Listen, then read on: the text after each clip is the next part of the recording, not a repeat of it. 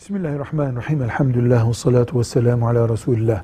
Kurban besmele ile kesilip kurban ibadeti yerine geldikten sonra o kurbanın tamamı orada bırakılıp maazallah çöpe atılsa ki yanlış bir iş bu. Kurban ibadeti zarar görmez. Et zayi etmekten dolayı vebale girilmiş olur. Çünkü ibadeti kurbanın kesmektir. Kesince yerine gelir.